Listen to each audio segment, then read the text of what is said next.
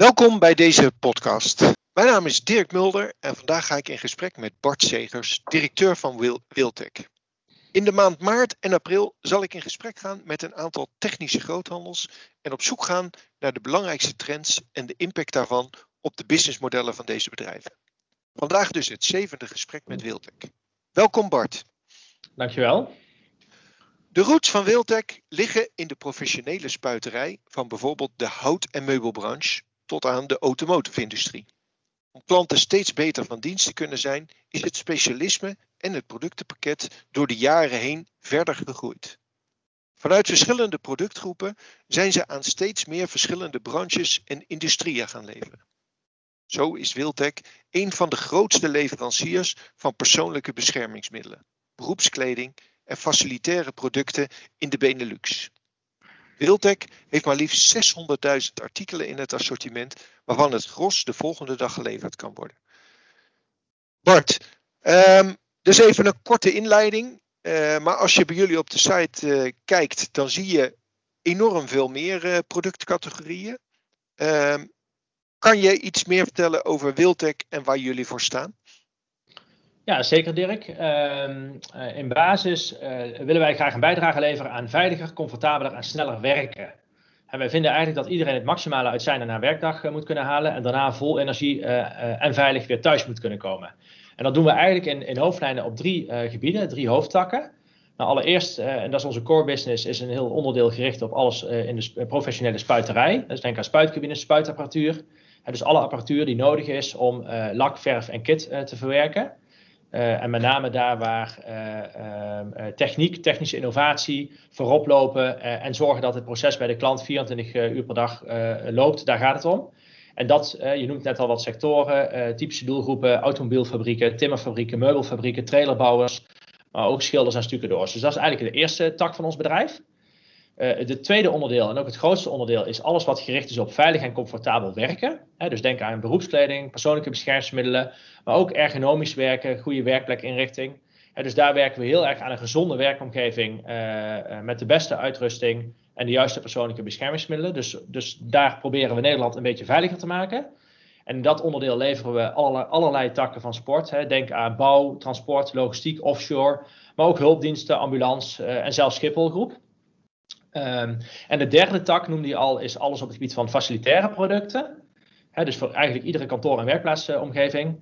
Uh, eigenlijk de zaken waar je zo min mogelijk uh, naar omkijken naar wilt hebben, maar wat wel goed geregeld moet zijn. En nou, de doelgroep is daar zo breed als het maar zijn kan. Eigenlijk overal waar een kantoor of een bedrijf is.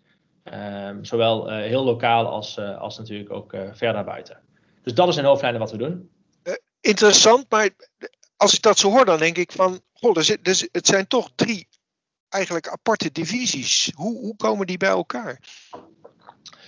Ja, als ik het verhaal uh, uh, vanuit de geschiedenis uh, ga vertellen, dan, dan zijn we eigenlijk begonnen in de spuiterij met spuitapparatuur. En wij zijn heel erg geïnteresseerd altijd geweest om die klant steeds een breder programma, productenprogramma te bieden. Hè. Dus van Lieverlee leverden we de spuitapparatuur toe de spuitcabines. die, die cabines, daar moest schone lucht naar binnen, dus dan gingen we filters leveren hè, voor de lucht naar binnen en ook weer naar buiten. Vervolgens moest die schilder beschermd worden met persoonlijke beschermingsmiddelen. Hij moest aangekleed worden uh, met beroepskleding. Uh, nou ja, dus je kunt je voorstellen dat zo dat pakket van Lieverlee is, uh, is uitgebreid. Tot het moment dat we, want die spuiterijwereld blijft natuurlijk echt een niche. tot het moment dat onze groeiambities groter waren dan, dan deze wereld. En toen zijn we eigenlijk vanuit die productgroepen steeds andere sectoren ingegaan. Hè? Dus vanuit verschillende productgroepen naar verschillende markten. Tot ook weer het moment een aantal jaar geleden dat we dachten: hé, hey, we zijn nu wel van heel veel markten thuis. We leveren van allerlei producten. Laten we nu eens die klant en die markt centraal zetten. En weer eens uh, de producten eigenlijk marktgericht gaan, gaan segmenteren. zodat we ook als één partij in elke markt, als het ware, een, een compleet programma konden leveren. Dus de samenhang is echt het, het, het, willen bijdragen aan veiliger, slimmer en comfortabeler werken. Um, de dingen beter en efficiënter willen doen bij de klant. Uh, maar ja, als je terugkijkt naar de hele geschiedenis, dan is dat, heeft dat een hele mooie loop gekregen. Ja, maar ik, ik kan me ook voorstellen als je dat zo benoemt, hè, want ik, ik begrijp dat vanuit dat veiliger, sneller eh, werken, mm. maar dat het hele verschillende productgroepen en dus een hele uh, verschillende benadering van de markt vraagt voor die drie beschermingsmiddelen, facilitair en, en de spuitgroep. Ja, dat zeg je goed. Ehm, eh, aan de andere kant is het, uh, is het, vinden wij het heel belangrijk dat een klant voor, bij ons één aanspreekpunt heeft. Hè. Die klant heeft een accountmanager, iemand die het bedrijf, die bedrijf goed kent. Die weet wat er loopt, wat er speelt, ook wat de agenda is hè, bij, bij onze klant. en die vervolgens de linkjes kan leggen naar de verschillende specialisten die bij Wildtech actief zijn. Want specialisme is wel echt belangrijk bij ons. dus die accountmanager kent goed het programma bij de klant. Die weet precies wat daar op de planning staat. En die haakt uh, bij wijze van spreken voor de inrichting van de spuiterij uh, onze techneuten en engineers aan. Om daar, als dat in de orde is, om daarover mee te denken. Die haakt veiligheidskundigen en veiligheidsspecialisten aan om veilig werk echt invulling te geven. En die haakt bijvoorbeeld weer specialisten op het gebied van ergonomie of werkplekinrichting aan op het moment dat het daarover gaat. Dus die accountmanager die zit echt naast de klant. en die zorgt vervolgens dat de weg naar het specialisme intern gevonden wordt. En dat de juiste specialisten ook aangehaakt worden. Weet dat wij, uh, als het over het concurrentieveld gaat, op al die deelgebieden natuurlijk concurreren met ook specialisten. Dus uh, op al die aspecten moeten we wel aan de maat zijn met kennis en kunde. En dat proberen we op die manier vorm te geven. Ja. Het, uh, zijn jullie dan een van de grotere of grootste spelers in die verschillende categorieën? Ja, zeker. Als het gaat om spuiterijinrichting, zeker. daar, zijn, daar zijn we absoluut de grootste. dat zie je ook. We hebben heel veel specialisten daar, heel veel uh, ontwikkeling, heel veel innovatie. Uh, echt, we hebben echt uitvinders in dienst hè, die echt oplossingen bedenken voor klanten of voor, voor een markt. Uh, als het gaat over veiligheid en beroepskleding, daar lopen we ook erg voorop. Ehm, ik denk dat we met name heel erg het verschil maken door echt bij de klanten gaan kijken van hey, hoe kunnen we nou zorgen dat er hier veiliger gewerkt gaat worden. Dat gaat veel verder dan het leveren van producten. Dat gaat echt over hoe moet het plan eruit zien om veilig te werken. Hoe moeten we mensen gaan trainen trainen op het gebied van veiligheid, maar ook op het gebied van vitaliteit, hè, zodat mensen alert zijn als ze aan het werk zijn. Nou, daar, begint veiligheid. Tot en met uiteindelijk natuurlijk ook het leveren van de juiste PBM's. Nou ja, en als het gaat over werkplekinrichting, uh, is nu overigens aan de orde van de dag. Hè. We werken uh, voorheen natuurlijk aan uh, veel op kantoor, waar veel aandacht was voor, voor, voor goede werkhouding, goede werkplekinrichting. Maar nu ook thuis, hè, nu we hele dagen thuis slijten, is dat niet minder belangrijk, maar wel veel complexer geworden hoe zorgen we er met elkaar voor dat ook de mensen thuis ehm, goed uh, aan het werk zijn, de juiste houding hebben, de juiste equipment. Uh, dus ja, dat, uh, op die manier doen we dat. Ja. Ja, als je het zo uitlegt, dan, dan, dan begrijp ik de link ook wat beter. Ik had op de site zitten kijken en ik zag heel veel koffie voorbij komen. Ja. Dus ik dacht meer vanuit de food gedachte. Maar inderdaad, werkplekinrichting, dat, dan begrijp ik de, de, de link wat, de, wat logischer. Um, Bart, als je nu, nu kijkt naar het afgelopen jaar, er is natuurlijk heel veel gebeurd. Uh, afgelopen jaren misschien wel. Wat, wat zie jij als de belangrijkste ontwikkeling in de, in de branche? Um, ja, dat, zijn, dat, is een, dat, is een, dat is een grote vraag. Kijk, uh, als we kijken naar het afgelopen jaar, wat is er gebeurd, dan, dan, dan moeten we daar denk ik even nog stilstaan ook bij corona. Uh, want dat is natuurlijk wel een heel impactvol, uh, impactvol verhaal.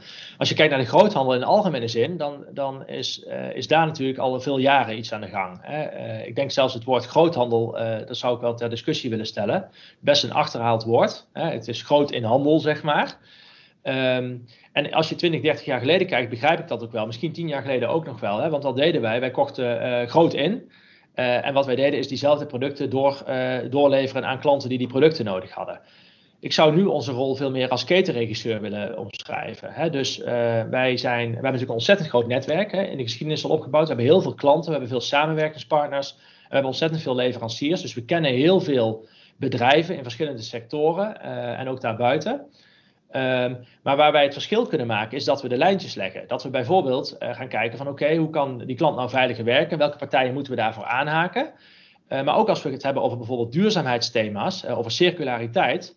Ja, dan is het juist belangrijk dat je heel veel schakels met elkaar kunt verbinden en daar het verschil in maakt. Dus waar we 10, 20 jaar geleden echt als groothandel actief waren in het leveren van zoveel mogelijk producten, zijn we vandaag veel meer bezig vanuit de vraag van de klant. Hoe kan ik veilig werken? Hoe kan ik uh, kwalitatief hoogwaardige producten hebben als we het over de spuiterij hebben? Hoe kan ik mijn mensen uh, bij wijze van spreken gezond met pensioen laten gaan hè, na, na, na 40 jaar op kantoor hè, en, en, waar een goede werkplek essentieel is?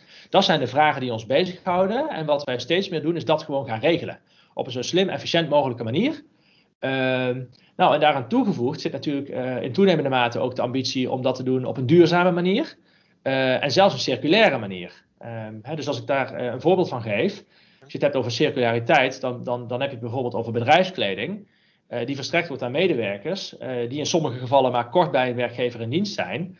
En die zomaar eens na een half jaar of een jaar weggegooid wordt. Ja, dat, dat kan echt niet meer. Mhm. Nou, maar dat, dat hele stuk daaromheen, hoe ga je dat organiseren? De hele logistiek, het revitaliseren van die kleding, het recyclen daar weer van. eh, op een manier dat uiteindelijk kleding na een lang leven weer opnieuw kleding wordt. En het liefst voor dezelfde klant. Ja, dat zijn vraagstukken waar de ketenregisseur, Annex Groothandel, ja, een ontzettend grote rol kan pakken in de toekomst. Dus de rol van groothandel is, is ontzettend in, eh, in verandering. Dat heeft met allemaal van dit soort thema's te maken, denk ik.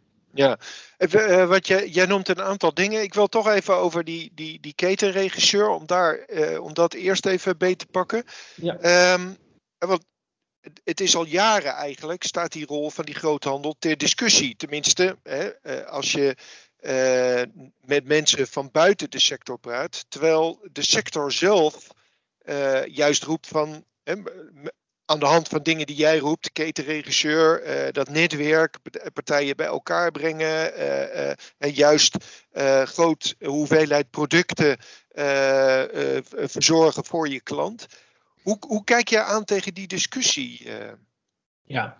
Nou ja, weet je, het is net hoe je het bekijkt. Kijk, als je groothandel letterlijk neemt en kijkt wat een groothandel eh, 10, 20, 30 jaar geleden deed, dan, dan, dan stel ik het ook ter discussie. Hè? Dus eh, ik noem als voorbeeld wel eens een keer een, eh, een Apple-telefoon. Ehm, ehm, ja, 20 jaar geleden eh, was je groothandel als je iets importeerde uit Amerika. En tegenwoordig gaat de consument zelf naar Apple. Die heeft geen enkele tussenhandel meer nodig en die bestelt die telefoon online, waar die ook vandaan komt.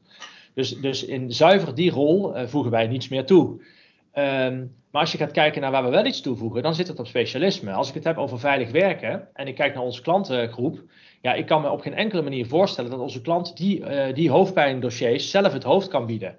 Ehm, eh, dat, en dat zit op heel veel aspecten. Allereerst natuurlijk ehm, ehm, een, een, pakket wat je nodig hebt van training en ontwikkeling, advies, het inzetten van de juiste producten, het trainen van je mensen, eh, het leveren van die producten, vaak van vele merken, veel fabrikaten. Ja, dat, dat, dat, dat is kennis die we in huis hebben en die we graag met klanten delen, waar we ook echt iets toevoegen. Maar dan het hele logistieke proces daaromheen. Je moet je voorstellen als je kijkt naar een klant als Ambulancezorg Nederland, waar meer dan 5000 mensen met allemaal eigen maten en modellen eh, de kleding op het huisadres geleverd eh, krijgen. Dat is een logistieke operatie van ongekende omvang. Ehm, ja, ik, ik, ik, kan me niet voorstellen dat dat, dat dat probleem door de klant zelf wordt opgelost. Om nog maar niet te praten over hoe ga je al die mensen maat nemen. Hoe zorgen we dat dat vastgelegd wordt. Dat dat eh, op een goede manier gebeurt. Dat, nou, je, kunt je voorstellen wat dat voor een operatie is. Nou, en dan eh, krijg je nog natuurlijk die keten daarna. Stel dat we die kleding willen gaan recyclen. Die hele eh, reverse logistics die erbij komt kijken. Dus eh, met andere woorden, de rol van groothandel is, is het woord groothandel aan zich, daar doe je het al mee tekort. Maar die zit heel erg op, weet je, een klant die wil bijvoorbeeld zijn veiligheid voor elkaar en zijn beroepskleding voor elkaar. Mensen moeten er netjes, en veilig, eh, netjes bij lopen en veilig werken. Nou, dat geheel van ontzorgen, dat is wat die groothandel doet, wat die ketenregisseur doet. En dat is, dat is best een complex vraagstuk. Nou, had je het erover ehm, eh, dat jullie eh, persoonlijk hè, die, die, veiligheidskleding bij de, bij de mensen thuis brengen? Dat is ineens een hele andere ja, fulfillment proces, een heel ander logistiek proces dan als je het eh, eh, zeg maar ja, eh, bij de klant aflevert. Wat heeft dat betekend voor jullie organisatie? Nou, dat betekent dat je ehm, veel fijnmaziger je logistiek moet bedrijven. Je moet je voorstellen, zo'n zo'n eh, zo'n pakket voor, voor bijvoorbeeld ambulance, om maar in dat voorbeeld te blijven, dat zijn zeecontainers vol met kleding. Ja. Ehm, ehm, eh, nou ja, die, als je die zeecontainers bij ambulance dropt, als het ware, en het probleem daar neerlegt, ja, dan, dan, dan moeten zij dat gaan ontdekken hoe dat werkt. En daar hebben wij natuurlijk ons logistiek systeem helemaal op ingericht. Dus wij, eh, eh, wij ontvangen dat, we doen de kwaliteitscontrole en we verpakken het vervolgens weer. En verzenden het per adres. Dus we hebben kleinere doosjes, eh, maar daarmee wel meer toegevoegde waarde voor de klant. En maken we het, en maken we het uiteindelijk voor iedereen makkelijker, denk ik. Ja. En dat is ons vak geworden, hè, om, dat, om dat goed in goede banen te leiden. Ja, van, van, van wat meer die grote logistiek inderdaad naar fijnmazige logistiek om uiteindelijk het proces zo soepel mogelijk te laten verlopen. Ja, bijvoorbeeld. Ja. Over die duurzaamheid en die circulariteit. Ehm, we, lezen allemaal dat het steeds belangrijker is. Ehm, dat betekent wat voor je leveranciers. Hoe, hoe doe je dat? Ja, ehm, kijk, da- dan pak je eigenlijk eh, ook een stukje ketenregisseur weer. Eh. Wat wij merken is dat, ehm, eh, met name als het gaat over. Kijk, duurzaamheid zijn we wel wat verder mee hè, als, als, als samenleving. Daar praten we al jaren over. En, en waar dat vijf, vijf jaar geleden was, je zet een dak, vlag op het dak en, en je roept dat je duurzaam bent. wordt dat steeds concreter. Hè? En dat wordt ook steeds concreter uitgevraagd door klanten van wat doen jullie dan precies en wat is het effect daarvan. Uh, dus dat is een goede ontwikkeling. Uh, als je kijkt naar circulariteit, daar zit vooral nog heel veel ambitie. Um, en daar zijn wij ook heel eerlijk over. Hè? Je, als een leverancier nu zegt van wij hebben een volledig circulair kledingpakket, dat kan eigenlijk bijna niet. In ieder geval niet op een manier dat die kleding ook comfortabel en veilig is. Wat wel kan natuurlijk, is dat je samen met klanten daar een ambitie op formuleert. Hè? Van wat, wat zouden we nou willen? Bijvoorbeeld een compleet circulair kledingpakket in 2030. Ik vind bijvoorbeeld de samenwerking met Schiphol Groep daar een mooi voorbeeld van. Hè? Zij willen in 2030 klimaatneutraal zijn en een onderdeel daarvan is een, een, een, een, een circulair kledingpakket. Nou ja, dan heb je een aantal jaren voor de boeg waarin je samen gaat werken om dat voor elkaar te gaan krijgen. Uh, en dat begint met een transparante keten, hè, want je vroeg naar de leverancierskant. Dat begint dat we heel goed begrijpen waar komt die kleding vandaan, hoe wordt die verwerkt, uh, hoe zijn de arbeidsomstandigheden van de mensen, hoe zit ook de, de keten hè, van, van, van katoen is natuurlijk een natuurproduct, maar ook polyester, hoe wordt dat verwerkt, recyclen we producten daarin, hoe is het ontwerp, hè, kunnen we dat weer uit elkaar halen zodat we componenten kunnen recyclen. Nou, dat, dat, dat hele stukje van engineering zou ik bijna zeggen, dat pak je beet, hè, tot en met het compleet in beeld brengen van de keten door heel de wereld heen. Um, tot en met de hele footprint hè, van, van, om, om van kleding uit, of van, van, van, van een katoenplant een kledingstuk te maken. Ja, wat betekent dat dan precies? Daar begin je mee. En uiteindelijk ga je natuurlijk samen met die verschillende leveranciers kijken van oké, wat moet je nou doen om uiteindelijk dit tot een compleet circulair kledingpakket te krijgen? En daarin merken wij ook dat, uh, dat wij daar uh, toch maar weer als groothandel, uh, tussen haakjes, een enorm belangrijke rol in pakken. Want verdienmodellen zijn hier nog niet mee bezig. Hè. Verdienmodellen zitten nog niet op dit soort dingen. Maar als je samen met een klant die ambitie kunt omarmen en gaat zeggen: Dit gaan we gewoon met elkaar voor elkaar boksen, we nemen daar wat jaren de tijd voor.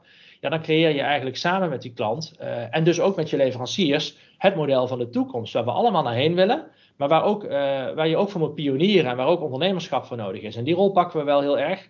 Uh, nogmaals, samen met klant en met leverancier, denk ik. Ja, ik, ik, ik hoor jou zeggen, het gaat vaak over langere termijn. Uh, een goede relatie aan de ene kant met je afnemer, hè, neem een Schipholgroep, maar aan de andere kant ook met je leverancier. Ja. Hoe voorkom je nu dat straks die prijsdiscussie daar weer tussen komt en dat toch partijen overspringen omdat ze ergens een lagere prijs kunnen krijgen of een betere prijs uh, als afnemer kunnen krijgen of als leverancier kunnen krijgen? Ik denk niet dat je dat voorkomt. Ik denk dat, uh, dat het op dit moment echt een keuze is. Hè? Als je zegt als bedrijf, wij vinden duurzaamheid uh, belangrijk, uh, dan heeft dat een consequentie. -huh. Je ziet daar bijvoorbeeld overheden echt in voorop lopen die zeggen, prima die consequentie, we willen daar misschien wel wat meer voor betalen. Um, je merkt dat bijvoorbeeld in de bouwsector. Hè? Een, duurzaam bouwbedrijf, wat meetbaar duurzaam is, krijgt wat meer punten in een openbare aanbesteding en kan wat makkelijker een, overdracht, of een overheidsopdracht binnenhalen. Nou, om die duurzaamheidspunten als het ware te krijgen, moet zo'n bouwbedrijf echt aan de bak om, om, het, om het bedrijfsmodel duurzaam te krijgen. Nou, en dan kunnen wij helpen op het, op het stukje waar wij goed in zijn. Hè? Bijvoorbeeld veilig werken, bedrijfskleding of facilitaire producten. Nou, um, dus zo krijg je eigenlijk een soort ontwikkeling op gang. Daarnaast zie je natuurlijk ook maatschappelijk. Uh, vijf jaar geleden zou ik gezegd hebben, er ontstaat een maatschappelijke druk om daar aandacht voor te hebben. Maar inmiddels uh, zou ik zeggen, er ontstaat een soort van maatschappelijk besef en verantwoordelijkheidsgevoel om daar aandacht voor te hebben. Dat steeds meer bedrijven, zeker grotere organisaties, echt vanuit het hart ook denken, ja, we moeten hier iets mee. Uh, nu betekent dat vaak op korte termijn, dat betekent, ja, het wordt misschien wat duurder of het duurt misschien wat langer. Maar ik ben ervan overtuigd dat op het moment dat dit de norm wordt, dat we dit allemaal gaan doen, ja, dan gaat de schaal ook enorm helpen en dan is dat ook weer, dan is dat voorbij. Ja. Want uiteindelijk is het zo, uh, als je een circulaire economie hebt, dat je producten kunt hergebruiken, dan wordt het per saldo natuurlijk goedkoper. Uh, ja. Alleen je hebt volume nodig. Hè? Dus als we het allemaal maar gaan doen, dan is het ook alweer een heel eind opgelost. Dus we zitten een beetje op die fase dat nu nog echt de early adapters als het ware hierin investeren. Maar we gaan heel rap naar een situatie toe dat iedereen dit gewoon wil. Al dan niet onder druk van hun eigen klanten, maar vooral ook vanuit het besef, dit is gewoon de toekomst. De maatschappelijke toekomst die we met elkaar willen. Je ziet dat ook heel erg in de politiek nu dat dit een thema is natuurlijk. Uh, bij bijna alle partijen wel. En dat, je, uh, nou ja, en dat daardoor dit vanzelf gaat gebeuren. Um, de, de, vraag is natuurlijk van hoe ver kun je en wil je daarin voorop lopen? Uh, dat is best, best balanceren. en als je concreet mij vraagt, ja, is dit nu een beetje duurder? Met andere woorden, als je voor het goedkoopste wil, moet je dan hier nu je aandacht aan vestigen? Nee, als je het goedkoopste wil, moet je dat niet doen. Dan zou ik bijna zeggen, dan moet je je kleding uit landen halen die twijfelachtig zijn en, en de consequenties daarvan accepteren. Alleen, ja, dat, is, dat is niet de route die wij, uh, die wij kiezen en ook niet die wij veronderstellen dat succesvol gaat zijn op lange termijn. Nee. Ja, klinkt heel mooi en heel, uh, heel terecht. Als je nou even terugkijkt, merk je dan dat corona impact heeft gehad op die supply chain? En hoe zijn jullie daar dan mee omgegaan?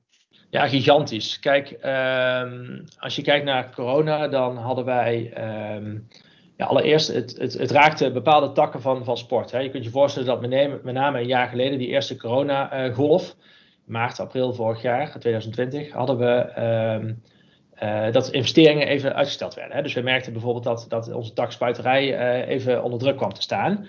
Aan de andere kant merkten we dat de vraag naar persoonlijke beschermingsmiddelen explodeerde. Uh, de, waar, waar voorheen beschermingsmiddelen, adembescherming, mondkapjes concreet in de zorg en in de industrie nodig waren, had nou iedereen die dingen nodig. En ook nog tegelijkertijd op de hele wereld. Uh, daarnaast kreeg natuurlijk veilig werken een compleet nieuwe dimensie, omdat hygiëne er in één keer bij kwam. Hè. Dat was natuurlijk altijd wel enigszins belangrijk, maar ja, laten we eerlijk zijn, uh, je handen kapot wassen en de hele dag met, uh, met, met desinfectant werken, dat deden we eigenlijk niet. Hè. Dus dat is een hele nieuwe vraag. Dus er kwam een explosieve vraag en daar was gewoon de, de, de wereld niet op voorbereid. dus dat heeft een enorme druk gegeven op onze inkoop, hè, waarvan, waarvan, ik tot vorig jaar zei, nou wij zijn meer een verkooporganisatie. Hè. Onze uh, er is onbeperkt aanbod en we hoeven alleen maar de klanten te vinden om die producten uh, um, aan, aan, af te zetten. Was vanaf vorig jaar echt de kentering. Nee, we, moeten, we hebben klanten genoeg, iedereen wil het hebben, maar we moeten gaan inkopen. Uh, waar halen we die producten? En dan kwam nog bij natuurlijk de maatschappelijke verantwoordelijkheid die je voelde om ook met name de zorg te voorzien. Hè? Als we dan voorraden hadden, laten we zorgen dat zorg en hulpverleners als eerste komen. Dus ja, dat is een ongekende uitdaging geweest in die supply chain. Van hoe gaan we nou zorgen dat we uh, een goede kwaliteit. Hè, want wij zijn een kwaliteitsleverancier. We hebben ook een imago dat we voor veilig werk gaan. Dus wij willen geen slechte producten of onbetrouwbare producten. Wij werken met genormeerde producten die zeker goed zijn. Daar moeten onze klanten ook op kunnen vertrouwen. Ja, om die uh, in te kunnen kopen, dat is echt een uitdaging geweest. En daar nog twee dingen over te zeggen. Allereerst merk je dat daar je positie en je reputatie helpt. We hebben natuurlijk, wij zitten al heel lang in deze business, dus we, we, we, we weten waar Abraham de Mosterd haalt en we weten uh, we hebben ook loyaliteit van onze leveranciers. Hè? Dus, dus wij staan voorop om, om, om, om aanbod te krijgen als het er is. Uh, maar tegelijkertijd heeft, ons, heeft het ons ook geleerd dat we ook toch wel weer afhankelijk zijn van diezelfde partijen. Uh, dus het maakt ook dat we beter zijn gaan kijken van oké, kunnen we niet een nog groter netwerk hebben? waar gaan we naartoe als onze vaste kanalen geen aanbod meer hebben? dus, dus ons bedrijf is in die zin wel echt ook veranderd. Ja, dus je, ziet, en, zie je dan ook dat je meer zelf op voorraad gaat nemen? Ja, ja dat hadden we al. Uh, en, en achteraf natuurlijk veel te weinig, kun je je voorstellen. Ehm, maar we hebben wel gezien dat dat wel een onderscheidsvermogen ook van die groothandel is. Hè? Dat je zegt van nou wij bouwen de buffer in voor onze klanten. Om op het moment dat, dat zij spullen nodig hebben, dat we ze ook hebben liggen. En dat is meteen ook natuurlijk het grote gevaar. Uh, van welke producten doe je dat dan? En, en laten we ook eerlijk zijn, kijk, met een situatie als nu corona, eh, daar kun je onmogelijk rekening mee houden. Dat, dat, dat, dat lijkt me niet haalbaar. Um, maar, maar vooruit is wel zeker een ding waar we anders naar zijn gaan kijken. Ja. En daarvoor is denk ik data belangrijk. hoe gaan jullie daarmee om? Wat, wat is jullie strategie daaromtrent? Um, kijk, we hebben eigenlijk, uh, um, nou ja, data is belangrijk. Wel data die uiteindelijk bijdraagt aan, aan het klantbelang, zeg maar. Hè? Dus, dus wij zetten data in basis ervoor in om te zorgen dat we onze klanten beter kunnen adviseren. Hè? En betere voorstellen kunnen doen. En dat onderscheiden we eigenlijk in twee delen. Allereerst de klanten die we ook persoonlijk goed kennen. dat zijn vaak wat grotere bedrijven waar een accountmanager komt. Uh, waar veel persoonlijk contact is. Um, nou, die klant die heeft uh, echt op maat advies nodig. Um, dat gaat echt verder dan het gevoel van een accountmanager. Dat kun je heel erg ondersteunen door bijvoorbeeld brancheinformatie, informatie die we hebben van alle klanten in totaliteit. Hè, um, die bij de accountmanager te brengen. En die gaat vervolgens met de klant in gesprek van: hey, we merken dat jullie bijvoorbeeld, als het gaat om veilig werken, dit en dit wel doen, maar dat en dat nog niet doen. Onze ervaring is dat als je dat gaat doen, als je bepaalde producten gaat gebruiken of bepaalde trainingen gaat geven, dat bijvoorbeeld de veiligheid vergroot, dus minder ongelukken gebeuren. Dus wij adviseren je om dat te gaan, te gaan doen, zeg maar. Hè? Dus zo kunnen we echt van waarde zijn voor, voor, voor bijvoorbeeld het vergroten van de veiligheid bij klanten. Um, daar helpt data heel erg, omdat we natuurlijk heel veel weten van de grote groep klanten die we bedienen. Uh, maar data helpt ook bijvoorbeeld bij klanten die we wat minder persoonlijk uh, goed kennen. Bijvoorbeeld de online klanten uh, die ons vinden op ons online platform. Ehm, ehm, dan kunnen we heel snel kijken van oké, wat ben jij voor een klant? En wat voor sector werk jij? Hoe groot ben jij? Zodat we ook het aanbod wat we die klant geven heel erg specifiek kunnen afstemmen op, op zijn behoeften. En ehm, ergens is dat natuurlijk ook een lijntje van oké, hoe ver wil je daarin gaan? Uh, dus wij doen dat heel erg uh, en beperkt ook tot het, dat wat de klant echt helpt. Uh, zodat hij echt iets heeft waar hij ook mee geholpen is. Hè. Bijvoorbeeld een klant die in een bepaalde sector werkt met bepaalde chemicaliën. Ja, die heeft bepaalde veiligheidsproducten nodig. Nou, als we dat weten, kunnen we hem ook een heel goed advies geven. Zodat hij ook zeker weet dat hij veilig werkt. Dat soort zaken. Ja, dus data is ontzettend belangrijk. Maar het is ook wel een zoektocht in welke mate gebruik je het. En, en, hoe, um, en hoe zorg je ook dat het. En hoe zorg je er ook voor dat je, dat je wel open blijft staan voor de, de persoonlijke behoeften van die klant. Want ja, data is nog steeds natuurlijk ook maar een element. En, uh, en kan ook ervoor zorgen dat je in een soort tunnel terechtkomt. En dat willen we eigenlijk ook niet. Nee. Wat voor een impact heeft dat dan gehad op jullie organisatie? Als je dat even, even naar die data kijkt.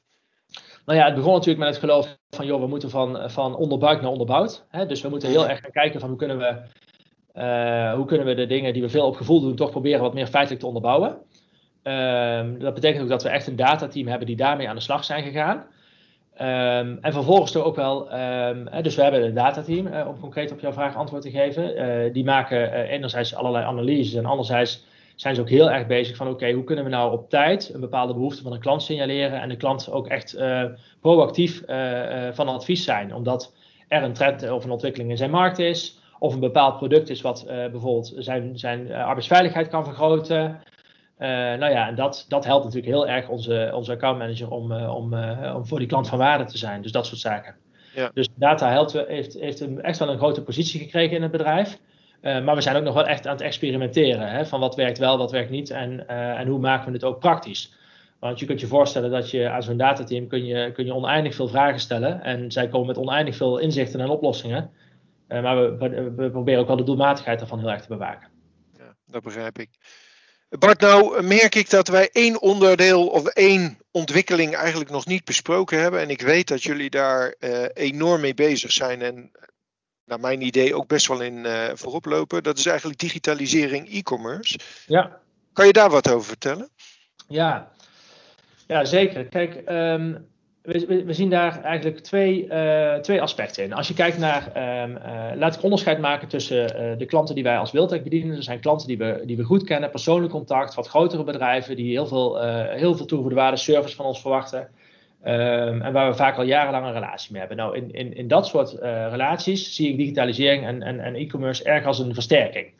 Hè, als je het in een omnichannel benadering pakt, dan, dan daar komt een accountmanager, die heeft veel contact met een binnendienst. Die klant die kan ook nog zelfs in een shop terecht. Uh, wij hebben bijvoorbeeld passervice op locatie. Dus die klant heeft allerlei contacten met ons. Uh, en het e-commerce platform kan heel erg helpen als een soort self-service tool, dat hij alles wat hij maar wil vinden en zien ook kan vinden. Dus hij kan daar bijvoorbeeld zijn, zijn lopende bestellingen zien, de levertijden daarvan. Hij kan bestellingen plaatsen. Hij kan ook zien bijvoorbeeld welke mensen bepaalde producten hebben afgenomen binnen zijn organisatie, hoe de spend is verdeeld over afdelingen. Hij kan per persoon verpakte kleding op huisadressen van mensen laten bezorgen. Hij kan kopiefacturen opvragen. Hij kan zijn, zijn hele EDI-koppelingen leggen, zodat de hele order- en factuurstroom geautomatiseerd wordt. Nou, dan, dan is digitalisering echt een verlengstuk van de dienstverlening. Ehm, waarbij de klant heel erg bepaalt in welke mate dat hij dat fijn vindt en in welke mate dat het past bij zijn eigen systeem. Ehm, dus dan zie ik e-commerce echt als een, als een verlengstuk van, van onze service- en dienstverlening. Als je kijkt naar uh, uh, ons e-commerce uh, platform, dat, dat is Starks. Dat is een andere naam. Eh, dat is een platform waar we wat minder persoonlijk contact met de klanten hebben. maar wel klanten hebben die zich graag persoonlijk bediend willen voelen.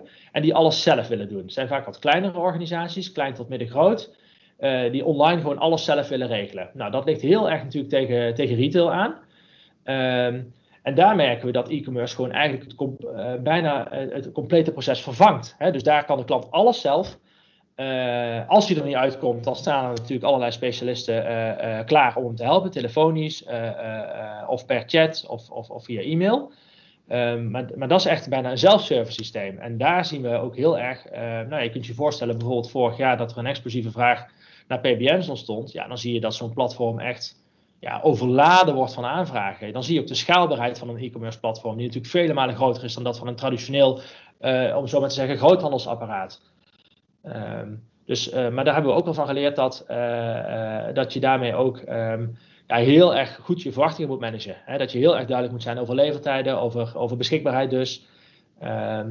Ehm, en, en, je leert ook dat het een ontzettend transparante wereld is. Hè? Dus, dus je ziet eigenlijk als je het heel goed doet, dan beoordeelt de klant je ook heel erg goed. En als je steken laat vallen, dan wordt er ook genadeloos met je afgerekend. Ja. En het feit dat je bijvoorbeeld nu uh, in dat e-commerce bedrijf, uh, op dit moment geloof ik dat we een gemiddelde klantbeoordeling van een 9,5 hebben. Nou, dan zijn we, dat is dus, nog gelukkig ruimte voor verbetering. Daar, daar, zijn we heel scherp op. Maar geeft ook aan dat we dat per saldo ook wel weer redelijk onder controle hebben. Dus dat je ook ziet van oké, als we de verwachtingen maar goed managen, als we de klant maar, als we maar doen wat we beloven aan de klant en de klant echt keuzes geven. Van joh, weet je zeker dat je dit product bestellen wilt? Want hè, daar zit bijvoorbeeld een leeftijd op van de week, maar dit alternatief kunnen we wel binnen een dag. Nou, die klant die heeft echt daarmee, die kan een keuze maken. En in welke keuze die ook maakt, eh, de verwachting is, is heel duidelijk afgestemd en daarmee kun je er ook aan voldoen. Dus e-commerce maakt ook dat de wereld heel transparant is en dat het heel erg ook voor onszelf binnen de organisatie mogelijk maakt om daar heel actief op te sturen. En heel goed te weten van wat moet je nou doen om die klant tevreden te stellen, want daar gaat het al uiteindelijk toch om. Ja, maar als ik het goed begrijp, hebben jullie eigenlijk dus twee verschillende labels. Eén is meer het, het meer traditionele, waarbij je eh, e-commerce als ondersteuning gebruikt. En dat andere is echt geënt op het businessmodel uh, e-commerce. Ja. Um, want ik, ik kan me voorstellen dat uh, als je het vanuit één label doet, dat dat ook een beetje met elkaar ja, in, in, in gevecht is. Um, voor, voor, klanten die daar nog niet aan toe gaan. Maar ja, je, je wil wel langzamerhand die transitie tot, tot uh, gevolg brengen. Begrijp, je wat ik bedoel? Ja, nou ja, weet je wat het is? Kijk, um, wij vinden wel centraal dat, dat de, de behoefte van de klant, die is bepalend. Hè? Dus uh, een, een, een, als een klant bijvoorbeeld zegt, joh, ik, ik wil dat jullie bij ons de bedrijfsleding en de veiligheidsvoeding gaan regelen. Ik vind het fijn dat er één keer per maand een, een pasbus van jullie op locatie komt. Ik wil dat onze medewerkers zelf online kunnen inloggen om een pakketje te bestellen. Maar ik vind het ook plezierig om één keer per, per kwartaal bij wijze van spreken met jullie veiligheidsspecialist aan tafel te zetten. En te kijken wat we nog kunnen verbeteren. Nou, dat is echt typisch een klant voor Wiltec. Um, waar intensief contact is, waar ontzettend veel service omheen zit. Denk aan zo'n pasbus die de maat komt nemen en meten en, en dat soort zaken. Uh, dat leent zich heel erg goed voor een omnichannel aanpak, uh, waar, waar alle systemen, dus e-commerce, maar ook de persoonlijke service, maar ook de passervice, en ook de, de telefonische eh, klantenservice heel erg samenwerken. Um, die klant die, uh, en dat heeft ook waarde, hè, dat we daar één keer per maand naartoe gaan om, om, om, om van medewerkers schoenen te meten. Dat, dat maakt dat die medewerkers heel erg goede service krijgen. Dat we zeker weten dat die medewerker ook in één keer de juiste producten krijgt. En dat die medewerker gegarandeerd is van veilig en comfortabel werken. Nou, een e-commerce klant die zegt, nou ik weet zelf wel welke maat schoenen ik wil. En desnoods bestel ik twee maten en dan pak ik de maat die me het beste past. Uh, nou ja, dan kun je ook, dan is je service uitgekleder. Kun je dus ook wat, wat scherper bijvoorbeeld aan de prijs zijn, want ik denk dat je dat ook uh, bedoelt.